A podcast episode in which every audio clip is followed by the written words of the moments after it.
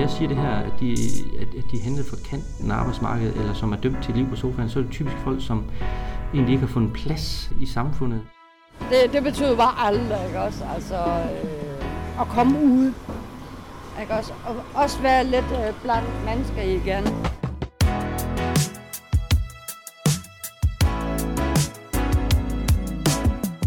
Du lytter til podcast fra Videnshuset Kabi. Mit navn er Gitte Thomsen, og dette afsnit handler om den gevinst, det kan være for din arbejdsplads at ansætte personer fra kanten af arbejdsmarkedet, der har psykiske eller kognitive funktionsnedsættelser, og hvordan du bliver den bedste leder for dem. Velkommen til. Du sagde, at nogle af de her mennesker de er dømt til et liv på sofaen. Kan du uddybe, hvad du mener med det? Det er typisk de her øh, folk, som har fået en førtidspension, som egentlig er blevet kastet rundt i systemet og har fået den her, det her mærke her, der hedder, at øh, nu, nu skal de egentlig bare ligge hjemme og tælle sekunder og minutter. Og ligesom give dem en chance for at komme ind. Jeg har været på besøg hos ProShop, og ude blandt 82 lynhurtige robotter, pakkebånd og truks, der kører frem og tilbage, der besøger jeg logistikchef Ronny Stormfeldt og hans to medarbejdere Heidi og Rasit. Heidi og Rasit arbejder på lageret og taget ind fra kanten af arbejdsmarkedet. De har hver især nogle udfordringer, der har gjort deres vej til at komme i arbejde mere besværlig. Da jeg lige kom, så fortalte du det her med, at de har en målsætning om, at 10 procent af jeres medarbejdere de skal komme fra kanten af arbejdsmarkedet. Hvem har besluttet det? Jamen, det har vi faktisk på ledelsesniveau. Øh, det vil sige ejer, direktør og os andre ledere har egentlig besluttet os for, at det, det vil vi have. Det er et, øh, et ansvar. Og min lille appel til andre firmaer, tag et, tag et ansvar fordi vi er fælles om at løfte. Så det er faktisk gjort på hele ledelsesniveau, og vi er over 10 procent. Vi er 250 ansatte totalt, og ja, så kan du så selv give det til, hvis jeg siger 10 procent, hvor mange det er. Og hvordan er I kommet frem til, at de gerne ville det? Det var faktisk erfaring. Så man kan sige, det startede jo nede ved mig, og, og det har kørt øh, i ja, det har kørt i fem år, godt og vel seks. Og det egentlig startede med, at vi kunne se en gevinst ved det. Og øh, så er det heller ikke nogen hemmelighed, at det har været en gevinst for firmaet også at få kigget sine processer igennem, fordi man bliver stillet for nogle andre udfordringer, der har gjort, at vi siger, at tallet 10% er bare et eller andet tal. Øh, det kunne lige så godt have været 12. Jeg tror faktisk, vi ligger på 15. Mere end 10 procent af ProShops medarbejdere er altså rekrutteret fra kanten af arbejdsmarkedet, blandt andet gennem et godt samarbejde med Jobcenter. Der kan være mange årsager til, at man kan være på kanten af arbejdsmarkedet. I denne episode ser vi nærmere på psykisk sårbare og personer med kognitive funktionsnedsættelser, og hvad det er for nogle udfordringer, de har. Det har jeg spurgt min kollega, seniorkonsulent Anne Brandby om. Det er rigtig svært at sige, hvem de er, fordi de er så mange. Øh, og det vil være øh, både nogen, som du kender allerede nu, som du har tænkt, gud, vil du også være i den kategori, og, og nogen, som du måske ser på gaden, hvor det vil være meget tydeligt for dig, at den her person vil være i kategorien. Ikke? Fordi det, der er med psykisk sårbarhed, det er jo ikke noget, man har på udenpå. Så det gør jo ikke, at det er noget, som man kan se, bare når man møder et menneske. Det er jo noget, hvor man kigger ind bagved og finder ud af, jamen, hvad er det, der udfordrer her i relation til arbejdsmarkedet. Det er omkring 15 procent om året, der vil have en, en psykisk sårbarhed eller en psykisk sygdom i en eller anden forstand. Ikke? På lageret møder jeg Rasit. Han flytter og plukker de store varer på lageret. Han startede hos ProShop i et forløb gennem jobcentret. Skønne job, jeg havde, det var sådan noget med pap og som første øh, rengøring. Og, og det var sådan noget, jeg fik lov til at gøre i starten. Og så bagefter var jeg blevet bedre til det. Længere sigt efter jeg blev ansat. Så, så spurgte jeg Ronny, om jeg får lov til at prøve noget nyt. Komme videre og prøve at komme højere op. Det, det sagde det kan vi godt og prøve det. Og så, så gik det fremad derfra. Føler du, at du tager en chance med nogle af de her mennesker? Nej, jeg føler ikke, at jeg tager en chance. Og det er fordi, at øh, jeg føler reelt set, at vi får en gevinst ved, ved hver gang. Man kan sige, at at tage en chance er det at erkende, at, at man ikke lige kunne finde den rigtige plads. Ronny har en logistikuddannet medarbejder, der blev påvirket for meget af de impulser, han fik fra lageret. I dag er han ansat i en anden afdeling stedet for at give op og sige, du kaster håndklædet ringen, tak for denne gang, jamen så finder vi en plads. Vi kan prøve noget andet. Det er det, det handler om. Og øh, det lykkedes også denne her gang. Ronny er en leder med et godt overblik over arbejdspladsens opgaver, og han er god til at se andres ressourcer og se nye muligheder. Senere hører du om, hvordan Recit var med til at gøre sin afdeling 30% mere effektiv. Først skal du høre lidt om, hvordan Ronny finder de rette opgaver til medarbejderne fra kanten af arbejdsmarkedet.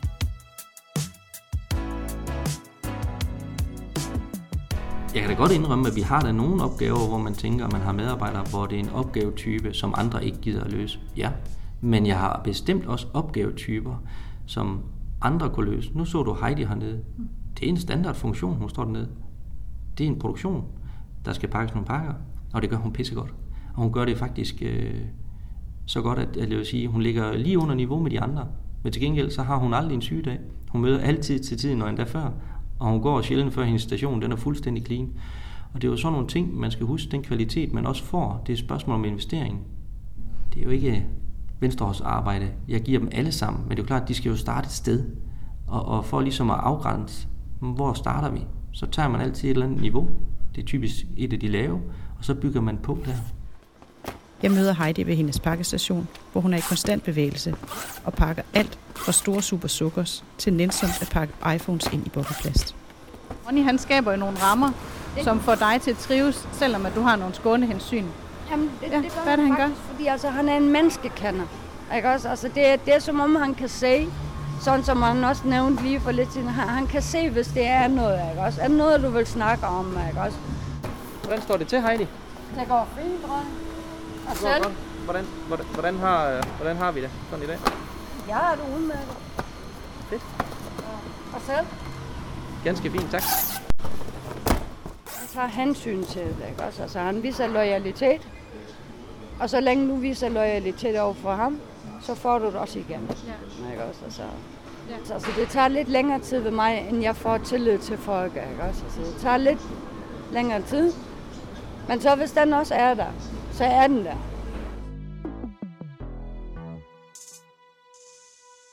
I nogle tilfælde kræver det en ekstra og håndholdt indsats for at lykkes med en ansættelse af en person, der er psykisk sårbar eller har kognitive funktionsnedsættelser. Jeg spurgte min kollega Anne Brandby, hvad der skal til, og hvordan du som leder kan få hjælp til det. Hvad skal til for, at du trives i dit arbejde? Det vil også være vidt forskelligt fra, hvad der skal til for, at jeg kan trives i mit arbejde. Og på samme måde, så vil det også være helt individuelt, hvad en, som kommer med en psykisk sårbarhed eller nogle kognitive udfordringer, hvad der skal til for, at de kan trives i deres arbejde. Det skal man jo øh, interessere sig for.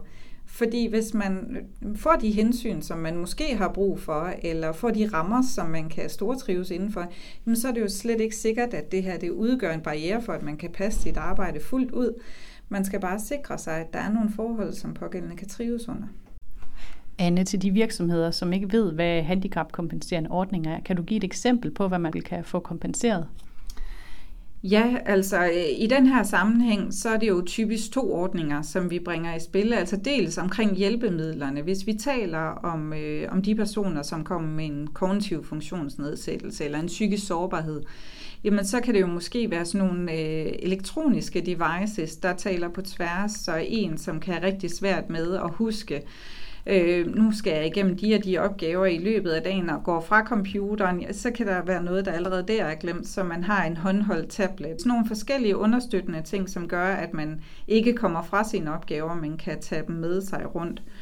Så er der også øh, ordningerne øh, omkring personlig assistance, hvor man kan få øh, som virksomhed, så kan man få tilskud til at yde sådan en særlig personlig assistance til dem, som har en kognitiv funktionsnedsættelse. Så det er sådan mange sider, altså hvad man kan yde støtte til efter de her ordninger. Hvorfor giver det mening for dig at ansætte personer med udfordringer?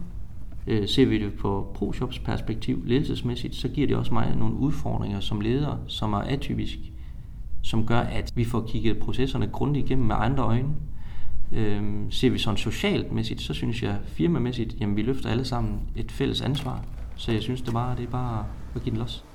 For at den nye medarbejder lykkes i sit arbejde, arbejder Ronny i ProShop meget på at skabe noget socialt på arbejdspladsen.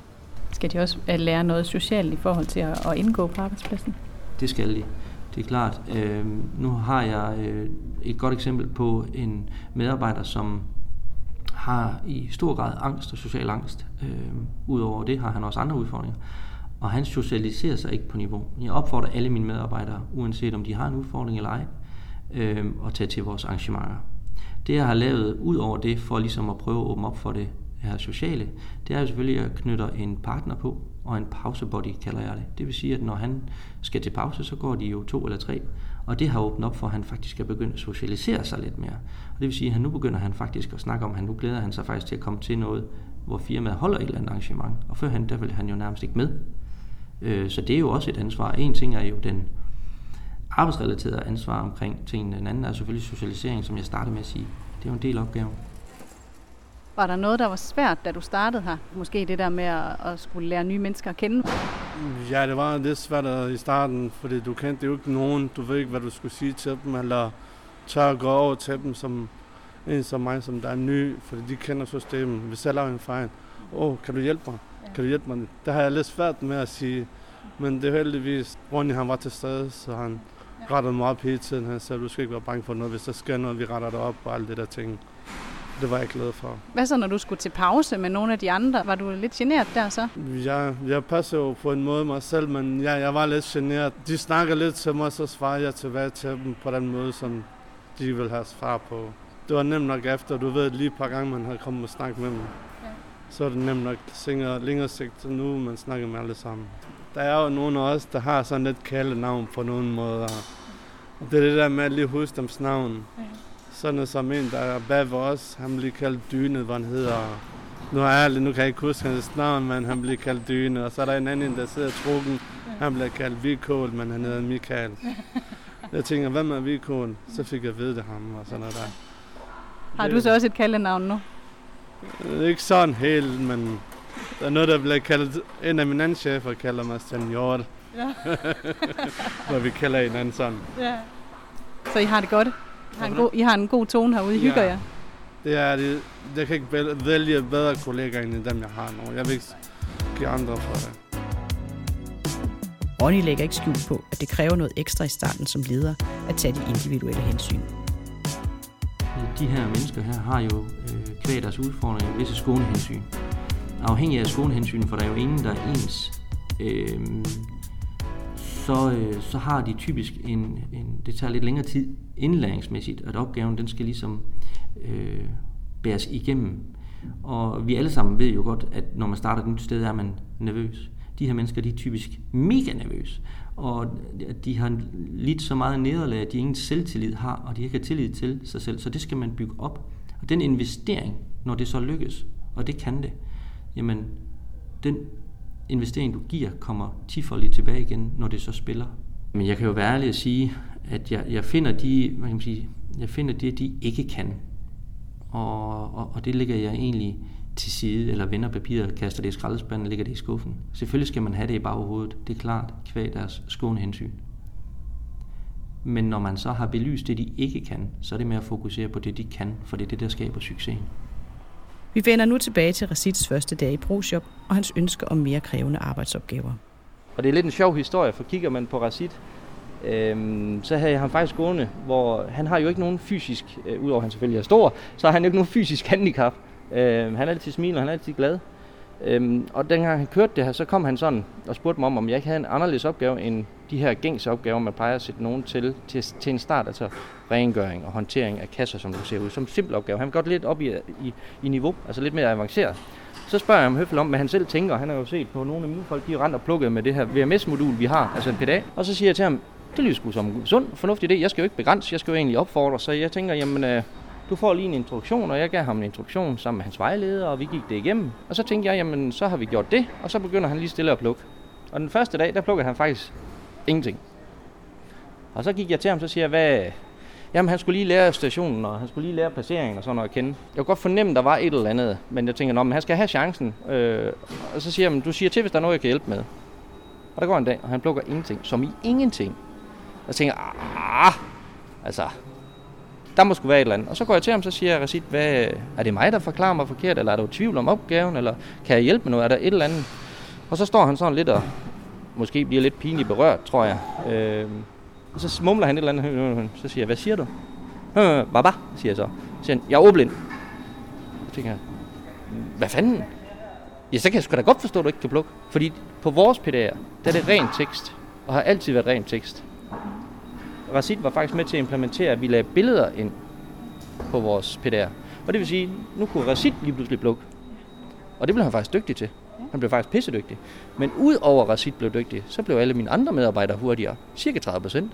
Og det er fordi, at på vej herned, jamen så når de skal ned og plukke et eller andet Philips, et eller andet, Mm, vi har så meget Philips. Der er Philips Hue-lamper, der er Philips øh, blender, der, der er en masse Philips. Ja. Så det er jo igen, hvis man lige kan trykke på knappen, sige, Philips, jamen hvad er det for noget, jeg skal plukke? Nå, det er den der.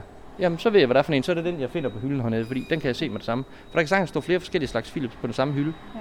Så det har egentlig bidraget til hele processen, og ikke kun til afhjælp ved Brasit. Og, og man kan sige, det der er fidusen her, eller forklaringen, om man ikke vil moralen, det er jo, at man stiger sig selv blind på sine processer. Og først når man bliver udfordret anderledes, så tænker man, ligesom man gjorde i skolen, man har lavet en kæmpe lækker stil, lige give den til sidemanden eller kvinden, fordi så kan de lige rette de der stavefejl, man ikke selv fanger, for lige meget du læser den tusind gange, så vil du aldrig se dem. Og komme med fejlen vil du heller aldrig finde. Men ligesom når du får nogle friske øjne på sagen, jamen så finder de fejlene. Og det var lidt det, jeg fandt ud af med Racit, og derfor har det bare taget til, blandt andet det her med at hente folk, der har nogle udfordringer, der kan sætte mig som leder, men firmaet også, for andre udfordringer end dem, man er vant til. Fordi man kan rumme dem. Det er et spørgsmål om tilvænding, og det er et spørgsmål om servicering, og på den lange bane, så giver det bare, jamen altså, det har givet så meget mening. Tænker du, det er et problem i dag nu, at du ikke, øh, at du ikke kan læse, nu hvor arbejdsopgaverne de er løst på den her måde? Jeg vil ikke kunne læse i dag, det vil jeg ikke. Men på den måde, som han har gjort det for mig nu, det vil være nemmere. Det viser mig mere fremskridt, at jeg tør at gøre noget mere. Ja. Og det er jeg glad for. Ja. Så du føler slet ikke, at, øh, at du bliver hæmmet længere? Nej, det gør jeg ikke. Vi har aldrig haft en, der var ordblind. Der er aldrig nogen, der er kommet og sagt noget. Det gjorde Rashid jo reelt set heller ikke, før man ligesom gik til ham. Men da vi så ligesom blev gjort opmærksom på det, jamen, så gav det jo god mening.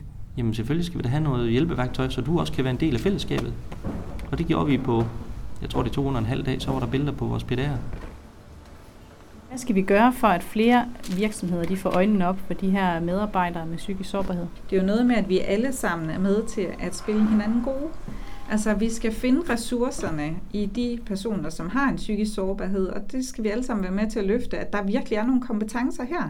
Der er nogle ressourcer, øh, som sagtens kan omsættes til en rigtig god arbejdskraft ude på virksomhederne. Men virksomhederne skal åbne dørene op. Altså først og fremmest så handler det jo om, at der er nogle flere virksomheder, der får mod på at rekruttere for kanten og også ture at sige, jamen vi kan godt se bagom, at Sofie har de her udfordringer, eller at Vilmer måske kræver en hånd i ryggen en gang imellem, øh, fordi det er faktisk en rigtig god arbejdskraft. Og så skal vi også have nogle jobcentre, som er med til at lave nogle gode match, altså som kender William godt nok, til at vide, jamen han kan faktisk trives ud på den her virksomhed, fordi vi har den her værkfører, som godt lige kan rumme William. Så det handler jo både om, at jobcentrene skal kende deres borgere, og de skal kende deres virksomheder. Og så har vi også altså øh, ordninger, de handicapkompenserende ordninger, som kan bringes i spil der, hvor at man har brug for noget ekstra støtte, hvor matchet ikke er nok i sig selv. Øh, og selvom man kan være nok så rummelig på en arbejdsplads, så kan det kræve så mange ressourcer, at, at det skal man kompenseres for som virksomhed, øh, eller borgeren skal kompenseres. Så der er sådan flere forskellige, der skal være med på, øh, at det her, det, det giver mening, og det kan lykkes, for det kan det. Øh, og det er også en god forretning for virksomhederne, så der er meget, der taler for, at vi går i den retning, for der er flere og flere, der er med til at tage et socialt ansvar derude. Som mennesker vil vi nok helst være ligesom alle andre. Det kan opleves som et stort tabu at have psykiske udfordringer eller kognitive funktionsnedsættelser. Eller måske bare det at være på kanten af arbejdsmarkedet. Hos ProShop er der fokus på det, man kan, og det, man ikke kan, er ikke en hindring. Nu snakker du lidt om det her med, øh, hvad for nogle opgaver de får. Handler det ikke også en, stor, en stor del af graden om, at du skal have et meget godt overblik over alle de opgaver, I har i virksomheden? Jo, det er fuldstændig korrekt. Øh, det handler jo lige så meget om at kigge alle sine processer igennem. Hvad har du af, jeg plejer at sige, det er sværhedsgraden. Hvad har du af sværhedsgrader i de forskellige opgaver eller processer? Og en, en normal øh, rengøringsopgave, som er kritisk hos os i hvert fald, det er jo en simpel proces, men det har en kritisk betydning. Øh, så har vi nogen, som øh, sidder og pusser produkter af, og lægger billeder på, og lægger tekst på, og får det til at stå skarpt. Det giver jo et mere salg, eller et salg, det kan vi se sort på hvidt. Og det er jo også en proces. Øh, det kræver så lidt mere, og jeg tror alle firmaer har muligheden for at finde de her opgaver. Er der noget, man som leder skal være særligt opmærksom på, når man ansætter folk med psykiske udfordringer? Man skal være opmærksom på, at det kræver en lille smule servicering og en lille smule, hvad kan man sige, øh, investering omkring tiden. Øh, men ellers så vil jeg sige, god kommunikation, åben og ærlig. Øh, det kræver ikke en hverken pædagogisk uddannelse, eller man skal heller ikke være psykolog. Øh, det kræver egentlig bare, at man kan, man kan køre en sund øh, dialog, og så huske at være visuelt opmærksom på, hvordan personen trives i de forskellige øh, opgaver. Og det kræver egentlig ikke ret meget andet. Jeg er glad for, at jeg har været her, og jeg har prøvet min praktik herovre. Og det er det fedeste job, nogensinde har prøvet. Hvad tror du, du ville lave, hvis nu du ikke havde været startet i ProShop og havde fået chancen her? Jeg tror, jeg havde fået min førtidspension, og så bare siddet derhjemme. Så jeg ikke kommet ud på arbejdsmarkedet, så har jeg bare været derhjemme. Hvordan ville du have haft det med det? Det har jeg virkelig dårligt med. Hvor jeg elsker at komme ud og arbejde og vise mig selv og vise, hvad jeg kan. For ProShop er det en gevinst at ansætte fra kanten af arbejdsmarkedet. Det er en gevinst på bundlinjen, fagligt og personligt på arbejdspladsen. Og så er det livsændrende for personen, som ansættes. Som leder skal du investere lidt ekstra tid, være særlig opmærksom på at skabe en god kommunikation og have et godt overblik over jeres opgaver. Og hvordan medarbejderen trives med at løse dem. Skånehensyn kan du få hjælp til i dit lokale jobcenter, samt finde den rette medarbejder til dine opgaver. Er du blevet nysgerrig på at vide mere om det rummelige arbejdsmarked, inklusion og fastholdelse, så lyt til vores øvrige podcasts eller kig forbi kabyweb.dk. Tak fordi du lyttede med.